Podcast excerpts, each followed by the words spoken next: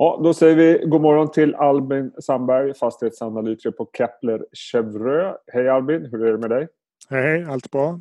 Ja, du, eh, jag tänkte att eh, vi fokuserar på fastigheterna idag. Det är många av dem som nu har rapporterat. Vi har tre rapporter som har kommit in jag tänkte att vi skulle prata lite om. Dels så har vi byggbolaget JM. Där tycker jag när jag tittar på siffrorna att det är en väldigt blandad bild. Lite sämre resultat, lite bättre omsättning samtidigt som jag tycker byggstarter och så vidare överraskade positivt. Eh, din syn på rapporten? Nej, jag tycker det sammanfattar det väldigt bra faktiskt. Och eh, just sålda enheter och även startade enheter skulle jag säga är, är betydligt bättre. Eh, definitivt skulle jag säga vad man kanske förväntade sig för en månad sedan eller två. Va? Och eh, känslan är väl också att bostadsmarknaden har hållit uppe kanske bättre under Q2 generellt än vad vi trodde och eh, sekventiellt då om vi tittar in mot kanske andra halvåret så känns det som att det är ganska bra bra efterfrågan och just det här faktum att om man startar eh, lite fler det gör att du har fler att, sälja framöver också. Så att, eh, vi får väl se lite här vad de, vad de säger på just de här lite marginalmissarna men det känns som att det framåtblickande faktiskt är, är, är bra. Skulle du äga bostadsutvecklarna i dagens klimat? Alltså det är ju fortfarande eh, lite som med, med fastighetsbolagen känner jag att, att det har varit ganska bra ändå kvartalsrapporter men, men eh, den stora frågan är ju naturligtvis eh, det här viruseffekten på den verkliga ekonomin framöver. Ligger den fortfarande framför oss eller, eller har, vi, liksom, har vi redan sett det värsta? Och det, det känns som kanske aktiemarknaden just på den här typen av exponering väljer att ta det lite, lite mer försiktigt. Och det, det, skulle jag nog också vilja göra även om jag tycker vi vill lyfta fram att JM har visat under ett antal kriser historiskt att det är en väldigt bra affärsmodell som klarar sig. Men eh, vi har en hold rating på, på aktien så att eh, vi, vi är lite mer åt det försiktiga hållet. Om vi tittar på de rena fastighetsaktierna som har rapporterat. Eh, Klöven är ju en aktie som har gått eh, väsentligt svagare än eh, fastighetsindex under 2020. I rapporten så tycker jag mig se spår av att man faktiskt har påverkats direkt av coronakrisen. Hur skulle du mm. utvärdera den här rapporten?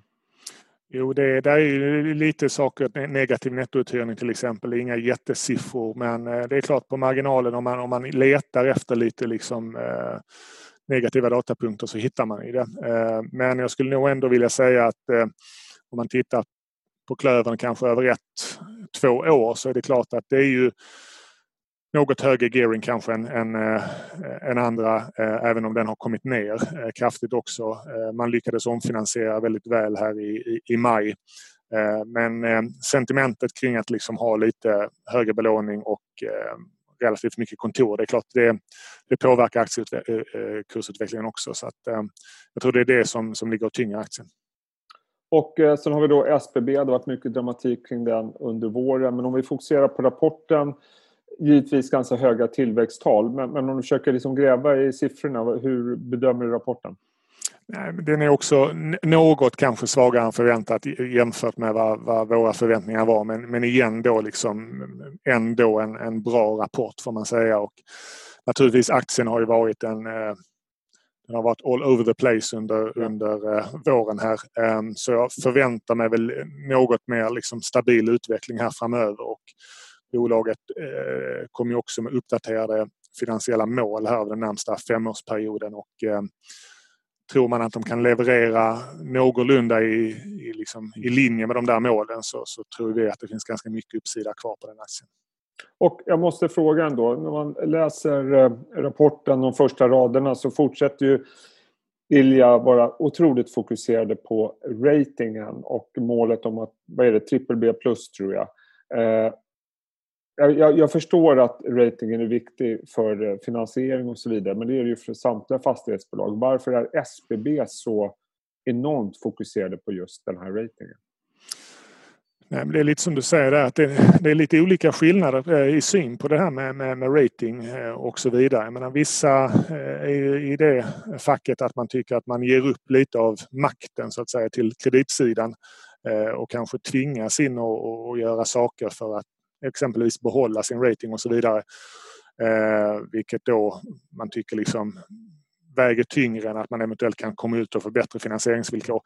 Jag får väl ge Ilja och SBB att det här har ju varit ett mål för dem länge. De har varit väldigt konsekventa i det här. Eh, jag skulle vilja se det också som ett litet av ett, ett kvalitetsstämpel kanske. Och att det finns inte minst stora delar av den utländska investerarkollektivet som, som definitivt vill se rating och tycker mm. att det är någonting positivt. Och de är ju kanske kvar i den här synen att man tycker att svenska fastigheter är lite för högt belånade jämfört med europeiska sektorkollegor. Så att eh, det är lite olika syn men, men eh, jag väljer att se det som en, eh, ett ytterligare kvalitetsstämpel på SBB. Det är det han vill åt. Och eh, vi hade en del fastighetsrapporter igår också. Eh, Brinova, Sagax och eh, Nyfose. Jag tycker samtliga såg ut att vara helt okej. Okay. Om vi tittar på Brinova först eh, växer både på intäkten och resultatet. Mm. Nej, Brinova är ju en, en aktie som har en väldigt underliggande stabil portfölj med, med publika hyresgäster och det är eh, hyresbostäder och så vidare. Va? Så det, det, är en aktie som ska kunna stå emot ganska väl i, i de här tiderna.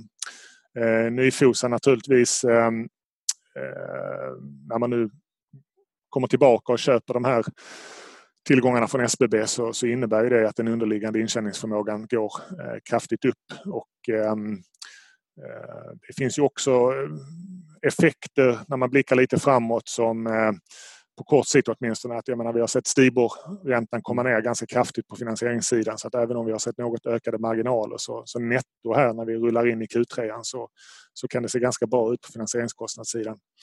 Eh, Sagax, eh, det är samma där, lite svagt negativa värdeförändringar men, men de är väldigt duktiga på att eh, driva underliggande kassaflöde. Eh, och igen, jag menar när vi summerar ihop eh, kanske då hela sektorn som vi har sett hittills så, så är det ju fortsatt en blandning med ganska stabila fastighetsvärden. Eh, vissa segment går upp, några går ner. Men det är ju inga dramatiska eh, justeringar. Och, eh, igen, alltså förväntansbilden skulle jag säga för, för bara några månader sedan var ju på betydligt eh, mer försiktiga nivåer. Så att jag tycker ändå man får summera ihop det som ett, ett stabilt och bra kvartal. Eh, och sen lite som du var inne på och frågade mig om JM, ska man köpa bostadsutvecklarna nu? Det, det är klart att eh, ett kvartal eller två det ger oss liksom inte tillräckligt med, med svar på om liksom konjunkturen är, är, är här för att stanna. Eh, men de datapunkterna vi kan ta på tycker jag det, det, det är stabilt.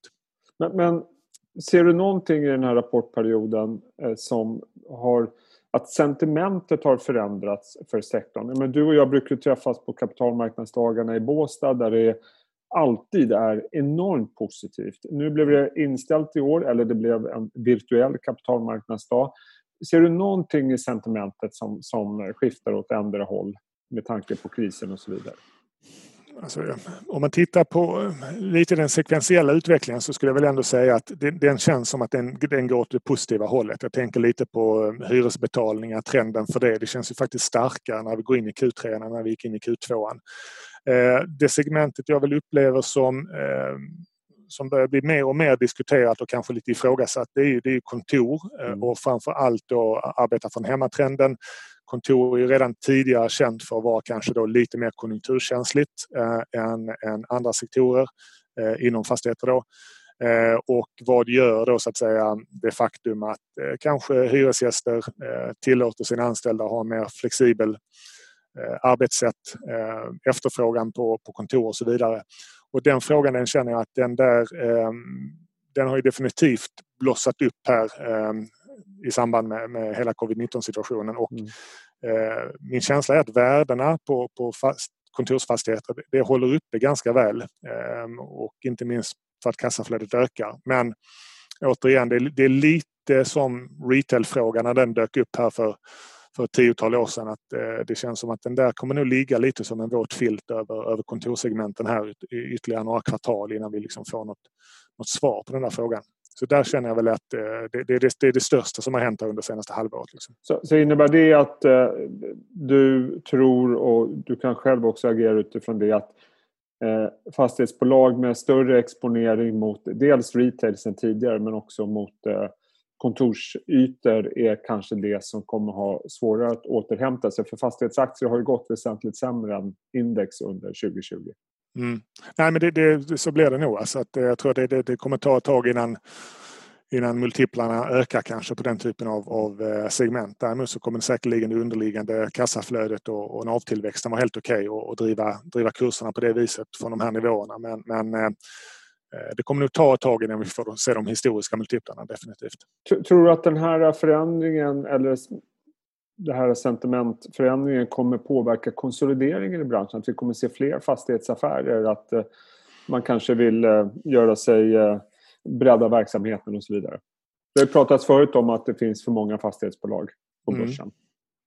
Men jag eh, kan ju notera att bara sedan eh, några månader så kom det ytterligare ett fastighetsbolag, Genova, eh, till börsen. Så att jag, jag känner att det finns absolut eh, vad jag förstår också mer, mer i pipeline. Så att eh, det, det är möjligt att det, det, blir någon konsolidering här och var. Eh, men det kommer också fortsätta komma nya, eh, nya alternativ.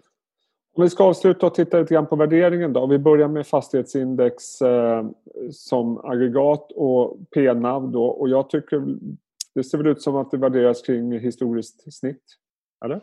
Mm, vi har eh, kommit tillbaka ungefär runt, eh, runt navnivåerna. Det är klart att när vi gick in då i året eh, då var aktiemarknaden beredd att betala upp en, en liten premium på sektorn. Och det var ju naturligtvis i en, förväntansbild att värdena skulle fortsätta upp. Det såg relativt stabilt ut så att säga. Så att, det var väl det första jag tycker när man liksom tittar på lite längre sikt hur, sektorn har gått kanske year to date då och underperformat index. Eh, ser man det på 12 månader så blir inte effekten lika stor. Eh, och det var väl framförallt att man fick ge upp den här liksom premiumvärderingen. Eh, och eh, som sagt, när det gäller just kontorsexponering så tror jag det tar kommer ta ett tag innan vi är tillbaka på någon form av premiumvärdering.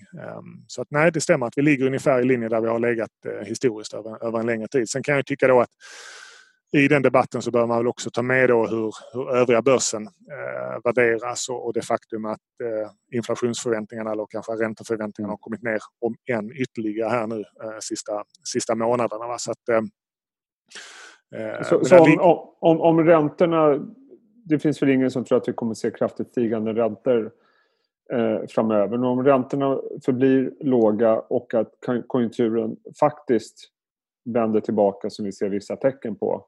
Då kanske det blir dags att ha en viss premie på fastighetsaktier igen. Vad tror du? Ja, det, premien kanske det inte blir liksom jättesnart. Det, det, det, tror jag inte. För det vi ser lite också det är att obligationsmarknaden är fortsatt något tveksam. Och det, det skulle ja. väl också vara en sån här liksom väldigt tydlig signal som jag gärna skulle se det, det är att vi, vi ser liksom att obligationsmarknaden kommer tillbaka och är lite mer likvid. Det, jag upplever att det finns vissa green shoots inom det. Vi har sett några obligationsemissioner här eh, slutet på Q2 och, och början in i Q3. Eh, men de är relativt små i förhållande till hur vi såg dem tidigare. Eh, så att eh, det, det, skulle vara liksom också en sån här liten, liten oros eh, signal men, som men samtidigt, bort samtidigt så är det så att jag menar, oron för finansieringen i mars-april den var ju påtaglig. Vi hade en kreditmarknad som i princip frös upp. Nu känns det ändå som du också är lite grann inne på att finansieringen fungerar faktiskt mm. för många av de här fastighetsbolagen. Jo, nej, det kan man säga. Och, och bankerna har ju faktiskt eh, varit där eh, och ställt upp skulle jag säga. Eh, både på liksom totala volymer och marginaler. Så att det är fortsatt goda finansieringsvillkor, det får man ju säga. Om vi avslutar med att titta på enskilda aktier då, med samma värderingsmått så är det ju en otroligt stor eh, spread här från de som har högsta värdering till lägsta värdering. Hur skulle du vilja sammanfatta den tabellen och eh, vad tittar du själv på mest? Mm, nej, men det, det, finns ju absolut liksom segment i den här sektorn som eh, kan också bli, bli absoluta vinnare på det här. Men vi har logistikbolagen eh, som fortsätter handlas mm. på en kraftig eh, premium till NAV. Eh, men det är inte speciellt de svenska bolagen. Vi ser samma trend ute i Europa. Eh, e-commerce har varit en drivare länge men det har också varit en diskussion kring det här med lagerhållning, eh, supply chain och så vidare. Alltså lätt, lätt lager, lätt industri.